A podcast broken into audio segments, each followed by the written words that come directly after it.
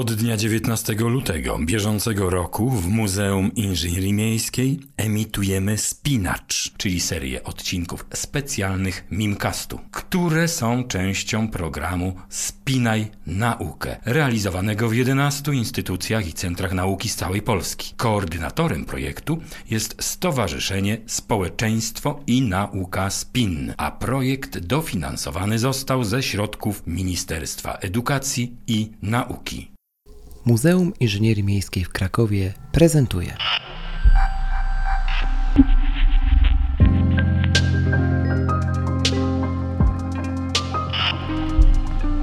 Mimcast. Miasto i my.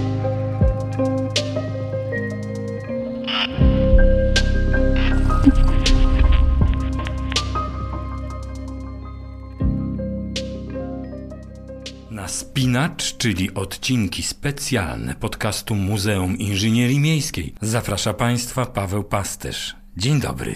W trzecim odcinku Spinacza tematem zasadniczym będzie ekologia. Niezwykle popularna ostatnio dziedzina, o której tak naprawdę nie wiemy zbyt wiele. A ponieważ najlepszym sposobem na przyswajanie wiedzy jest rozmowa z profesjonalistą, tak będzie w kolejnym wydaniu specjalnym Mimcastu. Państwa i moim gościem jest absolwentka Wydziału Inżynierii Środowiska Politechniki Krakowskiej, doktor nauk technicznych Weronika Wójcik. Dzień dobry. Dzień dobry, witam serdecznie. Pani Weroniko, to teraz będzie pierwsze pytanie, które zawsze zadaję moim gościom w spinaczu. Takie tradycyjne pytanie, a ono w Pani przypadku będzie brzmiało następująco: Dlaczego ekologia? Bo z tego co wiem, jest to jedna z głównych pani specjalności. No chyba, że się mylę i nie jest to jedna z głównych pasji, to proszę mnie poprawić w tym momencie. Nie, nie, zdecydowanie, zdecydowanie jest to moja, y, moja pasja, mój sposób na życie i tym się zajmuję również na co dzień zawodowo. Oprócz tego, że jest to pasja, to jest to też również przedmiot y, mojej działalności zawodowej. A dlaczego? Trudne pytanie, aczkolwiek y, pewnie powinnam powiedzieć, że to zainteresowanie wyniosłam z domu rodzinnego innego, ponieważ mój tato y, zajmuje się na co dzień gospodarką odpadami i ten temat, odkąd pamiętam, to kwestie ekologii, kwestie gospodarki odpadami były z nami na co dzień. I ja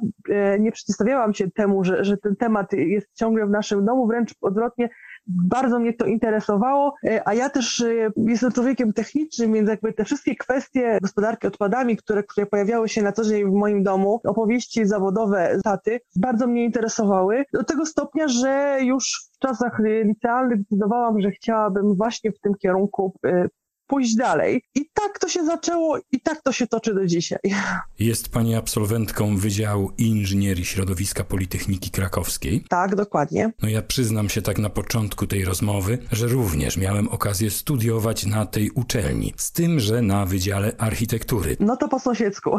Było to lata temu, od taka historia no to mamy pewien element wspólny. Tak, tak, to po sąsiedzku zdecydowanie tak, aczkolwiek ja też parę miesięcy spędziłam na Wydziale Architektury, bo tam też robiłam studium pedagogiczne które przygotowało mnie właśnie do pracy takiej edukacyjnej, do pracy szkoleniowej właśnie w zakresie ekologii i gospodarki odpadami. Bardzo dobry początek. A skoro gościmy dziś specjalistę, to chciałbym na początku tej rozmowy odczarować nieco samo pojęcie ekologii, ponieważ odnoszę takie wrażenie, że ten termin odpłynął nam ostatnio w dość dziwne strony. Ludzie zapomnieli trochę, czym naprawdę jest ekologia jako nauka. Mamy za to ekologiczne produkty, ekologiczną żywność, są ekologiczne pralki i samochody. Gdyby mogła to pani skomentować z perspektywy profesjonalisty, no i pasjonata. Znaczy, zdecydowanie się z Panem zgadzam. Oczywiście y, kwestia ekologii jest bardzo ważna na, w naszym funkcjonowaniu i bez tego nie jesteśmy w stanie, bez tych wszystkich ekologicznych podstaw funkcjonowania,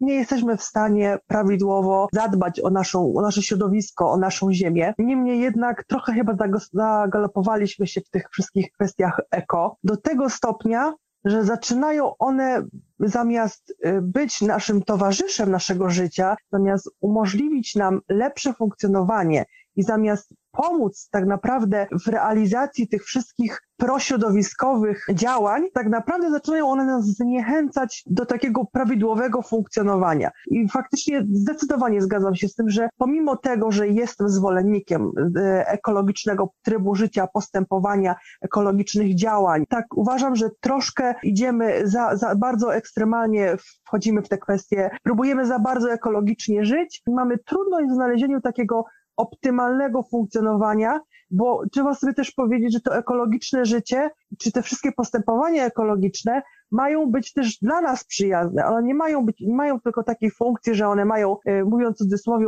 zbawiać świat. Ma to też pełnić dla nas taką funkcję, e, że ma nam się przyjaźnie żyć i funkcjonować w środowisku, w społeczeństwie. Zatem wracamy do podstawowej definicji, w której ekologia jest nauką badającą relacje między organizmami, między gatunkami a środowiskiem, w którym żyją. Ale tak jak wspomniałem na wstępie, nie mogę się oprzeć wrażeniu, że z ekologii zrobił nam się taki wytrych. Eko to jest dobry interes, no i nic dziwnego, że niektórzy ludzie czy instytucje stosują go jako hasło, jako słowo klucz. Zróbmy coś eko, bo to się dobrze sprzedaje. Tak, również zgadzam się z, tym, co Pan teraz powiedział. Jak najbardziej zaczynamy się fiksować z tym pojęciem eko, stosujemy go czasem bezzasadnie, bo nie wszystkie działania, które są promowane jako ekologiczne, są tak naprawdę działaniami ekologicznymi. E, mówiąc o jakichś takich nawet codziennych, e, codziennych czynnościach, niejednokrotnie zdarza się, że e, czynności, które my podejmujemy, które w literaturze czy w internecie znajdujemy jako czynności ekologiczne, tak naprawdę generują znacznie, znacznie większe obciążenie, czy to też finansowe, czy środowiskowe i tak naprawdę analizując je w całości, nie są działaniami proekologicznymi. Próbujemy to działania ekologiczne upiąć w każdym aspekcie naszego funkcjonowania. Tak jak Pan powiedział, czy są to zakupy, czy są to jakieś kosmet, produkcja kosmetyków, one być może są ekonomiczne, ale nie do końca ekologiczne. O tak. Pierwszy przykład, jaki przychodzi mi do głowy, kupujemy ekologiczne jajka. A jakie jajka są nieekologiczne? No właśnie, i tutaj to, jest ta kwestia, czy to użycie eko w tym aspekcie jest uzasadnione. Ekologia jest stosunkowo młodą dziedziną, no przynajmniej w naszym kraju. Jeszcze w latach 70. nikt nie mówił o ekologii. W latach 80. chyba też jeszcze nie było takiego eko zainteresowania. Kiedy to się tak naprawdę zaczęło? Proponuję, żeby teraz spojrzeć na ekologię z perspektywy historii. Wydaje mi się, że takim najbardziej intensywnym okresem właśnie, kiedy mówi się o tej ekologii, to jest lata 90. I to tak naprawdę działa z coraz większym nasileniem. Myślę, że jest to też spowodowane tym, że na, y, te wszystkie nawyki ekologiczne podążają do nas z zachodu i próbujemy się dostosować do coraz większych, do, do nowych trendów, które napływają. Zdecydowanie nie bez, bez znaczenia, tak mi się wydaje z moich obserwacji, był moment też wejścia naszego kraju do Unii Europejskiej i próba dorównania w tym funkcjonowaniu do innych państw. Szczególnie to jest widoczne w gospodarce odpadami, bo myślę, że tutaj takim no, dość sporym e, elementem całej ekologii, to jest właśnie ta kwestia tej, gospodarki odpadami. Właśnie w tym okresie tej, tej, naszej, naszego przyłączenia się do Unii Europejskiej, naszych transformacji właśnie tutaj w Polsce, wydaje mi się, że to jest ten taki okres, w którym najmocniej widać nasze zainteresowanie i chęć zmian właśnie w tym zakresie bycia eko i również w kwestii no, tego gospodarowania odpadami, bo tak jak powiedziałam, to ten temat jest tutaj, wydaje mi się, najbardziej widoczny. Natomiast jeżeli chodzi o takie kwestie typowo takie takie eko, o tym, co przed chwilą rozmawialiśmy, że tak próbujemy całe nasze życie sformatować do pojęcia eko, to wydaje mi się, że to są kwestie ostatnich kilku lat. Tutaj sporą rolę odgrywają media społecznościowe i te wszelkiego rodzaju posty, informacje, filmiki i to, że jesteśmy tym tak bombardowani z każdej strony, żeby być eko, żeby podążać za tymi trendami. Są tam promowane liczne nawyki, przyzwyczajenia, akcje ekologiczne i wydaje mi się, że też nie bez znaczenia właśnie pozostaje funkcja mediów społecznościowych z ostatnich kilku lat. Wspomniała Pani o segregacji. To również dość modne, powiedziałbym flagowe zagadnienie i temat na kilka audycji. No to porozmawiajmy trochę o popularyzacji, dziedzinie, która też jest pani bliska. Jak o kwestiach związanych z segregacją mówić? Jaką narrację stworzyć i to skierowaną do rozmaitych grup odbiorców, tak żeby była właściwie odbierana, no i stosowana w praktyce, bo wtedy popularyzacja będzie miała sens. To jest, jest bardzo trudny temat, bo bardzo duże znaczenie ma, tak jak Pan powiedział, grupa wiekowa, z którą rozmawiamy. W tym momencie, jak pewnie Państwo wiedzą, no nie bez znaczenia pozostają kwestie finansowe. I akurat te kwestie miały między innymi oczywiście, bo to nie była główna rola, ale miały też motywować do segregacji odpadów. Niejednokrotnie jest to y, bariera dla mieszkańców, ponieważ mieszkańcy się buntują. To też kwestia do jakiej grupy społeczeństwa mówimy. Inaczej do kwestii segregacji odpadów podchodzą mieszkańcy wsi, inaczej podchodzą mieszkańcy miast. Więc jakby jest tutaj bardzo wiele aspektów, które, które należałoby przedyskutować. W tym momencie nasuwa mi się taki przykład, y, jeżeli chodzi o edukację. Ja mam taką możliwość, że przy okazji, kiedy w Krakowie powstawała spalarnia odpadów, byłam z jednym z członków, który miał za zadanie edukować mieszkańców właśnie na temat gospodarki odpadami i na temat roli tej spalarni. No bo oczywiście wiemy, że słowo spalarnia wywołuje spore y, zainteresowanie i niestety niejednokrotnie działa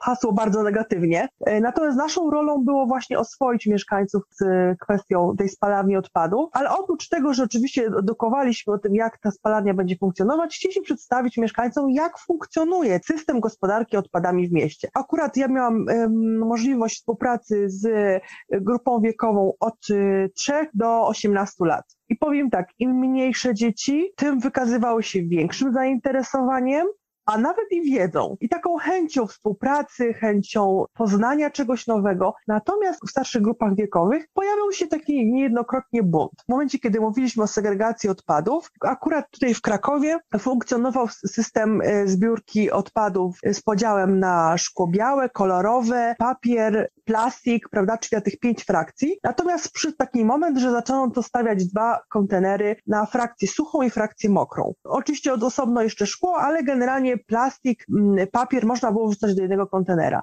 I pojawiał się bunt w, w dzieciach, ponieważ niejednokrotnie widziały, że przyjeżdża śmieciarka i zabiera jedne i drugie odpady jednocześnie, wrzuca to z tego samego pojemnika w każdej szkole zdarzała się taka sytuacja, że pojawiało się dziecko, które pytało, po co my to robimy, skoro oni i tak to wrzucają do jednego worka. I tutaj właśnie pojawia się problem tego niedoinformowania ponieważ sortownia odpadów w Krakowie działa w taki sposób, że wszystkie odpady suche, papier, metal, plastik trafiają na sortownię odpadów i tam są jeszcze na szereg frakcji segregowane osobno. Dlatego możemy sobie pozwolić na to, żeby te odpady trafiły razem na sortownię, ale mieszkańcy tego nie wiedzą. I pojawiał się bunt, że oni segregują, oni się starają, w domu nie mają miejsca, bo mają kilka pojemników na segregację odpadów, a to trafia wszystko do jednego pojemnika, prawda? I oczywiście ten system system funkcjonuje prawidłowo. Z prawnego punktu widzenia wszystko było w porządku. Natomiast tu jest kwestia tego właśnie niedoinformowania. Dlatego uważam, że za mało się mówi, za mało się pokazuje, jak działa ten system gospodarki odpadami już za naszą bramką. Nam się dużo mówi, jak my mamy segregować, ale my nie wiemy po co. Nie wiemy, dlaczego akurat na takie frakcje segregujemy te odpady. Brakuje takiej informacji właśnie w tym zakresie, że segregujemy na takie i takie frakcje, ponieważ to trafia takie i takie miejsce, a następnie możemy to zrobić z tego to i tamto, prawda? W tym zakresie brakuje nam informacji. Niejednokrotnie spotykam się i nawet wśród starszych osób, które pytają mnie, po co tą sortownię budujemy, skoro i tak można wszystko spalić? No nie do końca, bo to jest element całego układu technologicznego i to jest tylko fragment postępowania z częścią odpadów, nie z wszystkimi nasza świadomość i to, co nam się wpaja, to, co nam się próbuje przekazać na ulotkach, materiałach informacyjnych, kończy się właśnie na naszym kontenerze, który mamy przy mieszkaniu, przy bloku, przy, przy domu. Tutaj tego, tej informacji brakuje. Wydaje mi się, że gdyby też powiedziano mieszkańcom, co z tych odpadów się dalej robi, jakieś liczby przedstawić im, jakie to ma, jakie to ma znaczenie, bo dla mieszkańców przedstawienie w wiadomościach informacji, że osiągnęliśmy poziomy recyklingu, ich to zupełnie nie interesuje, prawda? Taka świadomość, że, że to ma sens. To nie jest tylko tak, bo nam każą segregować, tylko to ma jakiś istotny sens. Wydaje mi się, że to by y, sporo zmieniło właśnie w kwestii funkcjonowania tej, tej e, gospodarki odpadami. A tutaj nawiązując już do Pana pytania, Uważam, że najskuteczniejszą metodą edukacji jest edukacja przez dzieci. To one przychodzą do domu i mówią: Mamo, tej butelki nie wyrzucaj tutaj. Ja sama spotykam się z takimi sytuacjami, że znajomi powiadają mi: Ciocia powiedziała, że to trzeba wrzucić tu i tu, więc trzeba słuchać cioci. I śmieją się oczywiście do mnie z tego, ale, ale tutaj widać tą siłę tego, tych dzieci, bo rodzice no, w tej sytuacji jest im no, czasem głupio, że, że nie postępują prawidłowo, prawda? I próbują się dostosować do tego, co te dzieci mówią, bo wiedzą, że dzieci mają rację. Ta edukacja przez dzieci wydaje się być najskuteczniejszym elementem, najskuteczniejszą metodą edukacji. Pani Weroniko, no to skoro dzieci, młodzież i popularyzację mamy w tym koszyczku, czyli nie tylko pojemniki na odpady ustawić gdzie tam trzeba, ale jeszcze opowiedzieć historię dlaczego i po co się je ustawia. Popularyzacja no może w takim razie czas połączyć te kropki w jeden rysunek, czyli pomyśleć o centrum nauki. Takim centrum, które jak Kopernik przy pomocy interaktywnych wystaw, prezentacji i demonstratorów popularyzowałoby szeroko rozumianą ekologię z tymi wszystkimi pochodnymi. Tak jak eksponuje się fizykę, matematykę, technikę, zbudować niewielkie, a może właśnie wielkie centrum nauki poświęcone ekologii przez zabawę do nauki. To zawsze działa. Tak, to jest to bardzo, bardzo dobra koncepcja, e, żeby pokazać, jak to funkcjonuje. Tak, tak, ja popieram takie działania. Uważam, że im więcej pokazujemy, im więcej przedstawiamy takich możliwości, tym to bardziej jest e, widoczne dla mieszkańców. Odnajdują oni sami sens i istotę tego, tego postępowania, tych naszych działań. Że to nie jest tylko dla idei segregacja, tylko po to, żeby osiągnąć procenty, chociaż pewnie z pewnego punktu widzenia to nie jest bez znaczenia, bo gminy czy jednostki samorządowe są zobowiązane do osiągania poziomów recyklingu i, i, to dla nas z tego punktu widzenia jest bardzo istotne. Jednak y, ważne może pokazać mieszkańcom, że to nie jest działanie tylko dla idei, dla liczb. Świetnie. W takim razie, gdzie budujemy takie pionierskie ekocentrum? W Krakowie? Myślę, że Kraków to jest bardzo dobre miejsce. Kraków ma bardzo dobry system gospodarki odpadami, bardzo ładne obiekty do prezentacji, więc myślę, że jest to bardzo dobre miejsce. Na składowisku odpadu mamy ścieżkę ekologiczną. Co prawda tam trzeba wejść e, już po wcześniejszym umówieniu się z opiekunem, bo to już jest obiekt zamknięty. Można, dla dzieci przygotowana jest ścieżka ekologiczna, e, natomiast e, w spalarni odpadów krakowskiej są organizowane, już teraz nie pamiętam w jakich terminach, ale przez stronę stronę internetową krakowskiej spalarni można umówić się na y, wizytację i faktycznie można zobaczyć funkcjonowanie zakładu od wewnątrz. Jest to bardzo ciekawe, bardzo ciekawe doświadczenie i serdecznie polecam, bo naprawdę warto. W Rzeszowie także mamy spalarnię, która powstała przy elektrociepłowni Rzeszów. Jakiś czas temu nawet opracowałem i zbudowałem taki interaktywny i całkowicie realny, działający model wystawowy, przy pomocy którego można, bawiąc się, demonstrować cały proces technologiczny zachodzący w spalarni odpadów. Duża zabawka, ale cieszyła się ogromnym powodzeniem na wszelkiego rodzaju pokazach, festiwalach i piknikach naukowych. Do obsługiwania manipulatora mieszającego odpady, to ustawiały się kolejki. No ale do młodzieży najłatwiej właśnie trafić przez zabawę. A starsi, ci konserwatywni, no cóż, może po prostu myślą sobie tak. Miałem przez lata jeden kubeł, do którego wrzucałem wszystko jak leci, to pogrzyba mi teraz pięć. Kwestia jest jeszcze taka, że zmienia nam się też struktura odpadów, bo na pewno pan się ze mną zgodzi, że zupełnie inaczej wygląda kubeł na odpady w dniu dzisiejszym, a inaczej by wyglądał w latach 90. Przede wszystkim y, jest tu więcej odpadów niebezpiecznych w strukturze odpadów i to też jest duży, duży problem. Pomimo wszystko wydaje mi się, że w latach 90. gdzieś łatwiej te odpady, nawet bez symboliki określania tego jako działania ekologiczne, to nasze życie codzienne wyglądało bardziej ekologicznie. Chociażby te wymienianie śmietany w sklepie, prawda? Te wymieniane oręża, butelki orężady. Teraz to jest łatwiej kupić butelkę półlitrową, plastikową, ją wyrzucić, bo jest lżejsza. Ale to już jest odpad. Tak mi się wydaje, że żyliśmy bardziej ekologicznie, wprowadzaliśmy w naszym życiu y, działania ekologiczne bez ich nazywania.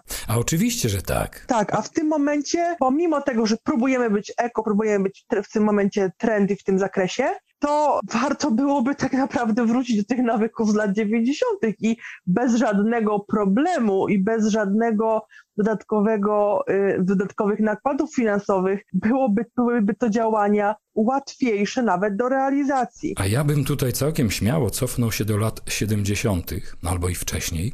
Z pewnością są jeszcze tacy, co pamiętają, a ci, co nie pamiętają, mogą dziś zobaczyć to na filmach, takich jak na przykład Nie lubię poniedziałku. Ale funkcjonował kiedyś niezły system wymiany mleka, w zasadzie wymiany i dystrybucji, i to w szklanych opakowaniach. Codziennie rano można było odebrać mleko dostarczane pod drzwi, w zamian za puste butelki, które wystawiało się wieczorem dnia poprzedniego.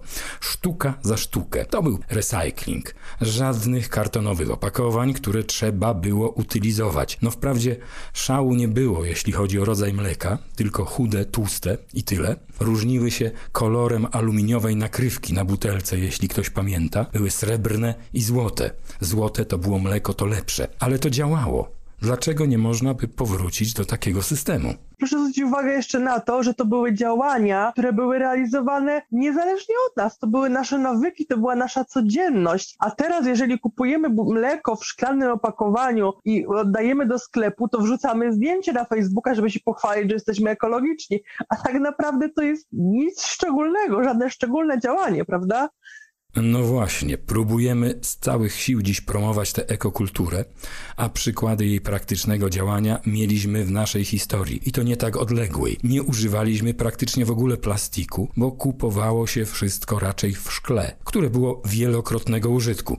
Proszę mi powiedzieć, czy taki renesans renesans takich praktyk byłby możliwy do wprowadzenia, czy ja tutaj naiwnie skręcam w jakąś ślepą uliczkę? Nie, nie, myślę, że nie. Myślę, że jest to bardzo dobre podejście. Tak jak mówię, my zagalopowaliśmy się w tym szybkim rozwoju technologii. Nagle pojawiło się mnóstwo tych tworzyw sztucznych, które zbombardowały nam rynek. Wydawało nam się, że te wszystkie produkty jednorazowe nam ułatwią życie, natomiast zaczyna się coraz bardziej wracać do tego trendu, o którym mówimy, do tych butelek mlamle i będziemy też do tego zmuszani częściowo przez y, oboszczenia przez prawo z racji tego, że będziemy y, obarczani opłatą produktową. Była przecież na początku tego roku, to jest świeża sprawa, kwestia tej Coca-Coli. Tutaj akurat była kwestia podatku e, od cukru, prawda? Ale tu będzie taka sama kwestia, jeżeli chodzi o właśnie opłatę produktową, czyli za, e, opłatę za opakowanie. Będziemy tym bombardowani, będziemy się tego buntować i sami do tego wrócimy, sami stwierdzimy, że jednak lepiej wrócić do tych trendów i nagle te trendy już nie będą trendami ekologicznymi, to będzie, to będzie nasza codzienność, bo tak jak pewnie w każdej dziedzinie dochodzi się do pewnych, do, dochodzi do, do pewnego krytycznego momentu, że nie ma dalej już, nie ma dalej drogi prawda? Mimo tego, że próbujemy usilnie znaleźć tworzywa sztuczne, które się mają, mają być rozkładalne, to nie jest prawda, to jest bzdura. To jest tylko nam mydlenie oczu. Nie ma czegoś takiego. To, to jest nasza naiwność. Więc ja myślę, że my się szybciutko wrócimy do tego, że damy sobie sprawę z tego, że to jest tak naprawdę ślepa uliczka i wrócimy do tych trendów, które pomimo tego, że nie były y, nagłaśniane, pomimo tego, że y, że były naście czy dziesięć lat temu, okaże się, że one są sprawdzone, uniwersalne, tanie, łatwo dostępne i tak naprawdę dla każdego. Pani Weroniko, ale teraz z tymi biodegradowalnymi materiałami, to tak postawiła pani sprawę, że poczułem się jak dziecko, które właśnie dowiaduje się, że nie ma świętego Mikołaja. Słyszałem o różnych takich projektach, na przykład naczyń, które po wykorzystaniu można na przykład skonsumować, czyli zjeść zupkę z talerza, a potem zjeść sobie talerz. Fikcja totalna? No nie tak do końca. Ja nie, tutaj kwestie technologiczne, bo ja też nie będę y, tutaj y, Państwa zarzucać jakimiś y, kwestiami technologicznymi. Natomiast to tak jak z tym pojęciem teraz eko, ono jest używane wszędzie. Tak samo teraz próbuje się nam mówić, że wszystko jest też bio, co też zdajemy sobie sprawę, że nie do końca tak jest. Nie możemy, to nie jest, postępowanie w tym zakresie nie jest takie zero-jedynkowe. Wydaje mi się, że trzeba mieć sporą świadomość i nie do końca ufać tym, temu, co nam się próbuje wmówić. Pewnie oczywiście gros tych y, rzeczy łatwo rozkładalnych tak funkcjonuje, ale uważam i niestety też ze swojego doświadczenia y, wiem z praktyki, że w wielu przypadkach jest to takie łatwe przypisanie tych, tych cząstek bio, eko, tak jakby nas też trochę wyłączyć e, z tego próbowania e, wdrażania swoich przekonań. Żyjemy też w strasznym pędzie, prawda? z jednej strony no, mamy mnóstwo pracy, jeszcze teraz sytuacja z pandemią, jesteśmy zbombardowani y, ogromem informacji, dlatego nam się nie chce i co jest zrozumiałe, ja tego absolutnie nie krytykuję, ale idziemy na łatwiznę, bo pójdziemy do sklepu, przeczytamy, że coś jest bio, coś jest eko i wydaje mi się, że jak kupimy to, to możemy ślepo temu ufać. To tak jak z tymi y, jogurtami, które są niby bez cukru, ale za to mają mnóstwo innych składników, które może nie są równoważne temu, temu, temu cukrowi, ale mm, no nie są korzystne. Wydaje mi się, że trzeba też zatrzymać się, skupić się, przemyśleć, przeczytać i nie do końca wierzyć tym, tym y, sloganom, które są na, na opakowaniach, które, które, którymi jesteśmy bombardowani. Tak sobie myślę, że osoby, które nas w tej chwili słuchają, to mają poważne podstawy do wyrobienia sobie odpowiedniej opinii na popularny ostatnio temat. Bardzo wyważona i rozsądna wypowiedź. Niewiele takich pojawia się w mediach, bo tutaj działa raczej zasada zero-jedynkowa. Albo czarne, albo białe, z jednej skrajności w drugą. To skoro uporaliśmy się z kilkoma kwestiami ekokulturalnymi, może czas wziąć na warsztat niezwykle modny ostatnio termin zero waste i zamknięte w nim te słynne 5R. Czy jest to tylko ładnie brzmiące hasło, czy to jakaś głębsza filozofia? Tak, zero odpadów i niestety od razu pana zupełnie zawiodę, ale niestety nie do końca wierzę w tą teorię zero waste ponieważ to jest tak samo jak z tym eko i bio. Próbuje nam się wprowadzić pewną zasadę. Oczywiście ja popieram zasady, na których bazuje Zero Waste, natomiast nie uważam, że jesteśmy w stanie to w 100% wdrożyć i niestety, ale nie jestem w stanie zgodzić się z tym, że jesteśmy w stanie wyeliminować odpady w naszych gospodarstwach domowych. No nie ma takiej możliwości. No jest to, jest to oczywiście kolejne szukanie jakiejś metody, sposobu na przyciągnięcie ludzi do tych zachowań proekologicznych. I w tym aspekcie się z tym zdecydowanie zgadzam. Natomiast no, nie zgodzę się z tym, że, że jesteśmy w stanie wyeliminować odpady. Ja przyznam szczerze, że stosuję się do tych zasad. To chociażby korzystanie z wielorazówek w sklepie, prawda? To już jest zero waste. Natomiast zero waste to też na przykład produkcja kosmetyków w domu, czyli nie kupowanie żadnych preparatów, tylko tworzenie z no, dostępnych środków, które mamy w domu. No ja osobiście nie jestem w stanie sobie z tym poradzić i przyznam że mimo tego, że próbuję być ekologiczna, minimalizować te odpady w swoim domu, to na przykład jest to element, który no, dla mnie jest nie do przejścia. Po prostu nie jestem sobie w stanie z tym poradzić. I podejrzewam, że nie jestem jedyna w tym zakresie. I powiem to jeszcze raz świadomie zupełnie, nie jesteśmy w stanie wyeliminować odpadów. Odpady, jak ktoś kiedyś powiedział, były, są i będą.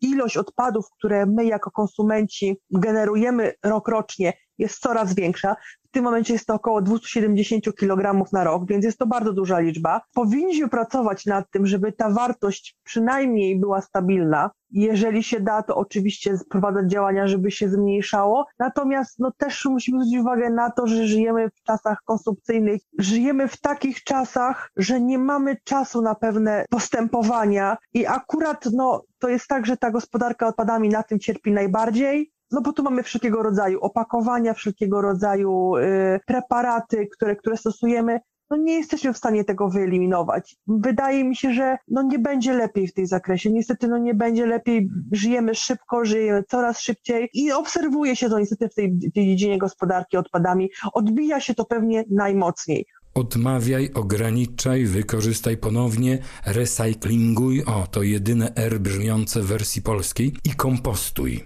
To ostatnie mnie osobiście jakoś tak najbardziej bawi w tym zestawieniu. A przed momentem powiedziała pani, że mnie rozczaruje swoją wypowiedzią, a jest dokładnie odwrotnie. Rozczarowałaby mnie pani, gdyby powiedziała, że w stu procentach zgadza się z ideą, zwłaszcza po tym, co wyjaśniła pani wcześniej. Drodzy Państwo, słuchamy specjalisty najwyższej próby. Naprawdę. Powiem, powiem tak, staram się na co dzień być optymistką, ale w tym zakresie ewidentnie muszę być realistką. I niestety no, fakty są takie, jakie są i przecież nie ma możliwości, żeby się nagle coś stało takiego, że na, nasze życie wrócimy do, do, do takiego funkcjonowania jak w latach 70. Oczywiście gro przyzwyczajeń, nawyków możemy zmienić, możemy pracować, ale rozwijamy się coraz bardziej, technologia idzie coraz bardziej do przodu. No nie oszukujmy się, no nie będzie, no nie będzie inaczej. Naszym zadaniem jest tak dostosować funkcjonowanie systemów gospodarki odpadami. Jeżeli o tym mówimy, bo to oczywiście na każdej płaszczyźnie życia jest obserwowane, ale jeżeli mówimy o tych odpadach, to naszą rolą jest właśnie tak dostosować ten system gospodarki odpadami, aby nam ułatwić, pomóc, zmobilizować, zmotywować, zachęcić, żeby tych odpadów faktycznie w strukturze odpadów, które trafiają na składowisko odpadów, było jak najmniej. Ja zwróciłam już uwagę wcześniej w, w naszej rozmowie, że tutaj właśnie bardzo ważnym elementem są te odpady niebezpieczne, które się pojawiają. I tego pewnie w latach 70., 80., bo tak cały czas skaczemy sobie między tymi dwoma okresami, wydaje mi się, że z tym, z tym nie było problemu. Na pewno, na pewno pan się z tym zgodzi, że tego nie było wcześniej. Nie było baterii, nie było żarówek, e, nie było takiej ilości leków, które stanowią też zagrożenie. Dlatego uważam, że naszą rolą jest tutaj dostosować, pomóc, minimalizować te odpady, maksymalizować system segregacji odpadów, na ile to jest możliwe, natomiast no, nie wprowadzać takich zasad, które musiałyby spowodować rewolucję w naszych gospodarstwach domowych, bo w tych czasach nie jesteśmy sobie w stanie z tym poradzić. No niestety, no taka jest rzeczywistość. Pani Weroniko, baterie używane były i w tamtych latach, tylko że nie w takiej ilości jak dziś. Żarówki zresztą także, ale to były żarówki o klasycznej konstrukcji z żarzącym się drutem wewnątrz, który tak naprawdę dawał więcej ciepła niż światła. Ale oczywiście nie były to produkty tak szkodliwe ze względu na użyte materiały, jak te współczesne lampy jarzeniowe czy świetlówki. A wspominając o odpadach niebezpiecznych, uprzedziła Pani trochę moje następne pytanie, bo oczywiście nie sposób w rozmowie o utylizacji odpadów nie wspomnieć też o tych niebezpiecznych z naszego otoczenia, ale też stanowiących bardzo wysokie zagrożenia, jak na przykład odpady chemiczne czy promieniotwórcze. To znaczy, myślę, że z tymi odpadami e, jak najbardziej sobie radzimy. Jeżeli mówimy o odpadach niebezpiecznych, to powinniśmy je rozgraniczyć na dwie grupy odpady niebezpieczne, które generowane są w gospodarstwach domowych i odpady niebezpieczne przemysłowe, czyli te, które Pan wspomniał, odpady promieniotwórcze, ale tymi odpadami ja bym się nie zajmowała. To już jest e, temat dla technologów, którzy pracują nad unieszkodliwianiem tych odpadów. Dla nas, mieszkańców i tym, czym powinniśmy się zająć, to jest kwestia gospodarki odpadami niebezpiecznymi e, generowanymi w naszych domach leki, baterie, żarówki. Jest tego od groma i teraz, co się z tym najczęściej dzieje? Ze względu na to, że są to niewielkie ilości odpadów, zazwyczaj trafiają ze strumieniem odpadów komunalnych, do pojemników. Powiedzmy sobie szczerze, mało kto segreguje te odpady. Tak jak powiedziałam, wynika to z tego, że nikomu się nie chce mieć kilkunastu pojemników po to, żeby zbierać, czekać aż zbiera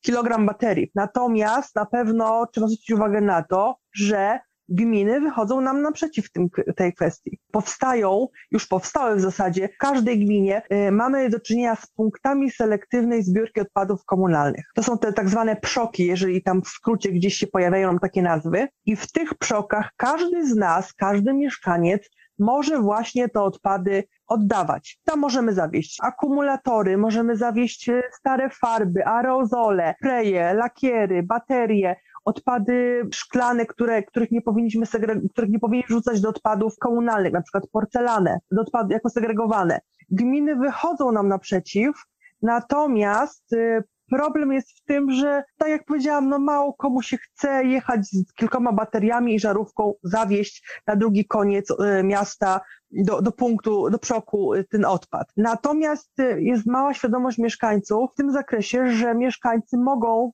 te odpady oddać niejednokrotnie gdzieś bliżej. Nawet podczas wieczornego spaceru z psem. Można podejść do marketu, w którym są pojemniki na baterie. Albo idziemy do sklepu, kupując, kupujemy nowe żarówki, zabrać ze sobą starą, sklep ma obowiązek odebrać od nas y, żarówkę, która już nie działa. I generalnie w tym zakresie dużo się dzieje, dużo się robi, natomiast mało się mówi. Pozwolę sobie tutaj wspomnieć e, właśnie o takim projekcie, który teraz realizuję z zaprzyjaźnioną grupą znajomych z Krakowa. Podjęliśmy działania w celu informacji mieszkańców na temat tego, gdzie bliżej można oddać te odpady niebezpieczne. No nie bez znaczenia w tych wszystkich działaniach to już nam też się dzisiaj podczas rozmowy gdzieś przewinęło, są te wszystkie media społecznościowe i aplikacje, które są dostępne. Ja dzisiaj wertując strony internetowe znalazłam aplikację dla mieszkańców jednej z gmin, w której każdy z nas może sobie sprawdzić, kiedy u niego będzie wywóz odpadów. To jest spore ułatwienie, bo może się na to przygotować. Tak samo my przygotowaliśmy aplikację na telefon, która mm, ma za zadanie wskazać nam, lokalizując nas poprzez mapy Google, najbliższe punkty właśnie, gdzie można oddać odpady niebezpieczne. Przyznam szczerze, że spotkało się to z bardzo dużym zainteresowaniem mieszkańców. Spotkało się to z bardzo dużym takim pozytywnym oddźwiękiem i dużo osób przyznało wprost, że nie segreguje tych odpadów, bo nie wie, gdzie je oddać. No i pięknie. Można by właściwie w tym miejscu postawić kropeczkę, kończącą ostatnie zdanie tej rozmowy, ale może chciałaby Pani jeszcze poruszyć jakiś temat, o którym nie rozmawialiśmy, a który warto by podjąć. Ja myślę, że mogłabym jeszcze z wielką przyjemnością powiedzieć kilka słów na temat właśnie tego projektu, z racji tego, że uważam, że w kwestiach segregacji odpadów komunalnych, to my jako mieszkańcy czy specjaliści, którzy zajmują się tym tematem, już niewiele mamy do zrobienia, bo bardzo dużą rolę w,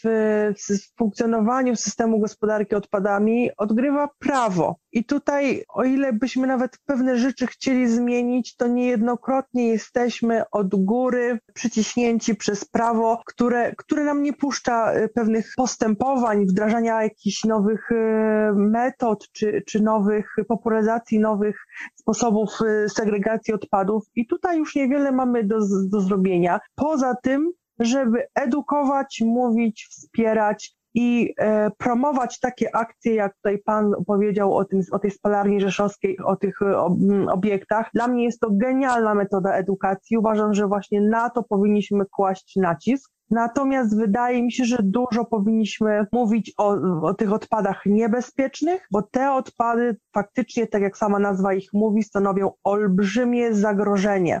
Sami siebie trujemy i w tym momencie to, to co powiedziałam, mówię z pełną świadomością proszę zwrócić uwagę na postępowanie, taki dam przykład dość drastyczny, postępowanie z odpadami medycznymi. Wydaje nam się, że jak nam się syrop przeterminował, czy jakieś tabletki są przeterminowane, no to można to wrzucić do toalety, prawda? Spłukamy i po problemie. Blisterek czy butelkę wrzucimy do kontenera na segregowane odpady i mamy sprawę czystą. No i tutaj się pojawia problem taki, że nasze oczyszczalnie ścieków, które funkcjonują w naszych miastach, nie są przystosowane technologicznie, nie są aż tak zaawansowane technologicznie, aby pozbyć się tych substancji z ścieków. O faktycznie te wody oni oczyszczają, osiągają normy, które określone są w ustawach, natomiast są pewne substancje, które tak naprawdę przepływają przez tą oczyszczalnię ścieków. A co się z tym dalej dzieje? dalej to trafia nam do rzek. Woda oczyszczona z oczyszczalni trafia do rzeki i tak naprawdę zawracamy do środowiska te substancje. Więc wydaje mi się, że tutaj właśnie kwestia, że mało wiemy o tym, co się dzieje po wyrzuceniu odpadów jak powiedziałam pierwszy raz o tym, że substancje, które są w lekach, które rzucamy do toalety, zawracane są do środowiska, to po prostu sala, na której padło to stwierdzenie, wszyscy zamarli, nikt sobie z tego nie zdawał sprawy. Więc wracamy do tego, że my za mało wiemy, co się dalej dzieje z tymi odpadami, jeżeli zarówno my je prawidłowo segregujemy, jak i nieprawidłowo. Co się dzieje z taką żarówką, co się dzieje z tymi lekami, czyli wszystkimi odpadami niebezpiecznymi, które gdzieś powstają w naszych domach. Co dzieje się z odpadami za naszymi drzwiami. No i nawet świetnie się zrymowało. I tak jak już powiedziałam wcześniej, wraz z przyjaciółmi próbujemy też mieszkańcom właśnie poprzez nasze projekty edukacyjne, przez ten projekt GUN, czyli Gdzie oddać odpady niebezpieczne, oprócz tego, że zrealizowaliśmy tę aplikację, która ma umożliwić łatwiejszą segregację tych odpadów niebezpiecznych i ich pozbycie się z naszego gospodarstwa domowego, naszą rolą jest też pokazanie, co dzieje się dalej. Próbujemy pokazać i to też właśnie w różnych grupach wiekowych, zarówno pokazać dzieciom, żeby one też już miały świadomość tego, co dzieje się z odpadami, jak również, żeby dotrzeć z tą informacją też do starszych, żeby pokazać, że te wszystkie działania nie są bez znaczenia.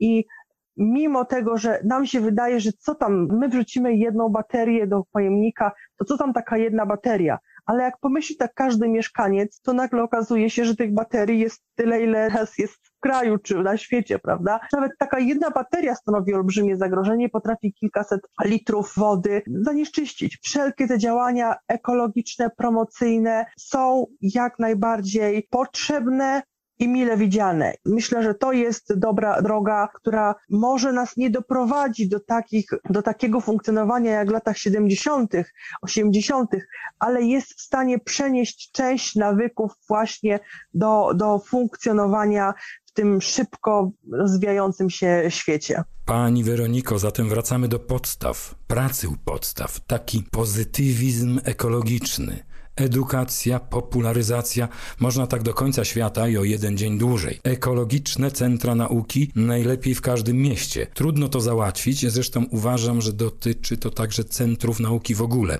Jedną dużą centralną placówką odwiedzaną od święta, skoro problem dotyczy edukacji codziennej. A może powinniśmy szukać dobrych wzorców właśnie w przeszłości, żeby uratować przyszłość. To zdecydowanie piękne podsumowanie. Tak, powinniśmy sięgać do przeszłości, żeby tak ją spróbować przenieść, zaadoptować do warunków współczesnych, żeby nam pomogła przejść bezpiecznie do przyszłości. Ja mam ogromną nadzieję, że ta nasza rozmowa będzie inauguracją dyskusji w zakresie popularyzacji globalnej ekologii jako nauki i praktyki, a nie tylko słowa symbolu, który jest chwilowo modny, mimo że ta chwila już czas pewien trwa. Pięknie dziękuję za tę rozmowę i czas poświęcony. Państwa i moim gościem była dr Weronika Wójcik, ekolog z zawodu i pasji, popularyzator nauki i naukowiec z patentem.